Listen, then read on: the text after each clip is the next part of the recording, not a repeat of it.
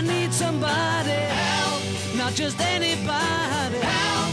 You know I need someone help. Hvis du akkurat nå kikker ned på magen din, så kan det hende at du begynner å dra på deg en liten ølvorm. Er magen større og står mer ut enn du skulle ønske? Ja, vi skal snakke litt om den såkalte ølmagen. For mange menn kommer den snikende med alderen. Og doktor Morten Munkvik, hva har da skjedd? Nei, da ser du iallfall ikke mye lenger enn magen. Du får ikke sett tissen din. Nei, Nei, og det altså for mange bare det? Bare det er jo et stort problem. ja. Nei, hva som har skjedd? Du har eh, fått i deg mer kalorier enn du har klart å forbrenne i løpet av en dag over lang tid. Jeg diskuterte med kollegaer denne ølvarma, og, og, og noen av de spurte hva er det som er inni? Ja, ikke sant? For de ser så runde ut. Ja, ja. Det ser ikke ut som det er fett. Nei, Det ser ut som noen som blåste opp en ballong Ja. og stappet inn Ja, nei, men det er, det er fett, altså. De er innfeite. Altså, det er fett som samles rundt innvollsorganene. Det er ganske god plass til det hos menn som ikke har det kvinnelige kjønnshormonet som gjør at det samles helt andre steder. Det er fett som ligger i krøset rundt tarmene og i underhuden og sånne ting. Der samles det for menn. Hvorfor kaller man ikke fettmage? Ja, det skulle man jo. Altså, Man kan iallfall bare glemme å kalle det ølmage, for det har jo ingenting med ølen å gjøre.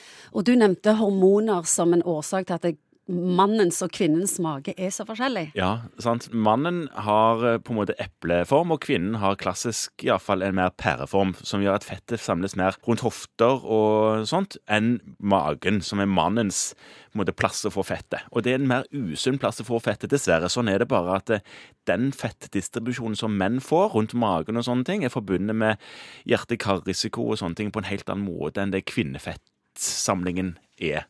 Akkurat det en mann med ølvorm ikke vil høre. Ja, akkurat det en mann ikke vil høre, og som man egentlig burde bruke til motivasjon for å komme i gang med litt fysisk aktivitet, f.eks. Ja, hvordan får en vekk en godt etablert ølmage når resten av kroppen kanskje ikke er så feide? Nei, for det ser jo litt rart ut, ikke sant? For enkelte som har stor vom, og så har du tynne armer og bein, så det ser litt snålt ut, og det er veldig mange som vil bli kvitt det. Men man må komme i gang med et eller annet som brenner energi, og ergometersykkel Svømming funker veldig bra, faktisk, for de med stor mage. Noe som har med helsestudio å gjøre, eh, løfte vekter og drive på på den måten, kjempebra.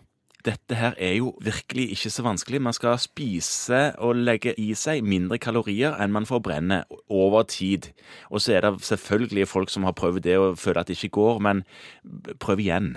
Det krever jo en viss eh, dedikasjon å holde en sunn livsstil. Sant? Men noen av disse her har jo med arv å gjøre òg. Det er ikke bare så lett som å si at du må bare skjerpe deg. Noen har problemer med fettdistribusjon av arvelige forhold å gjøre.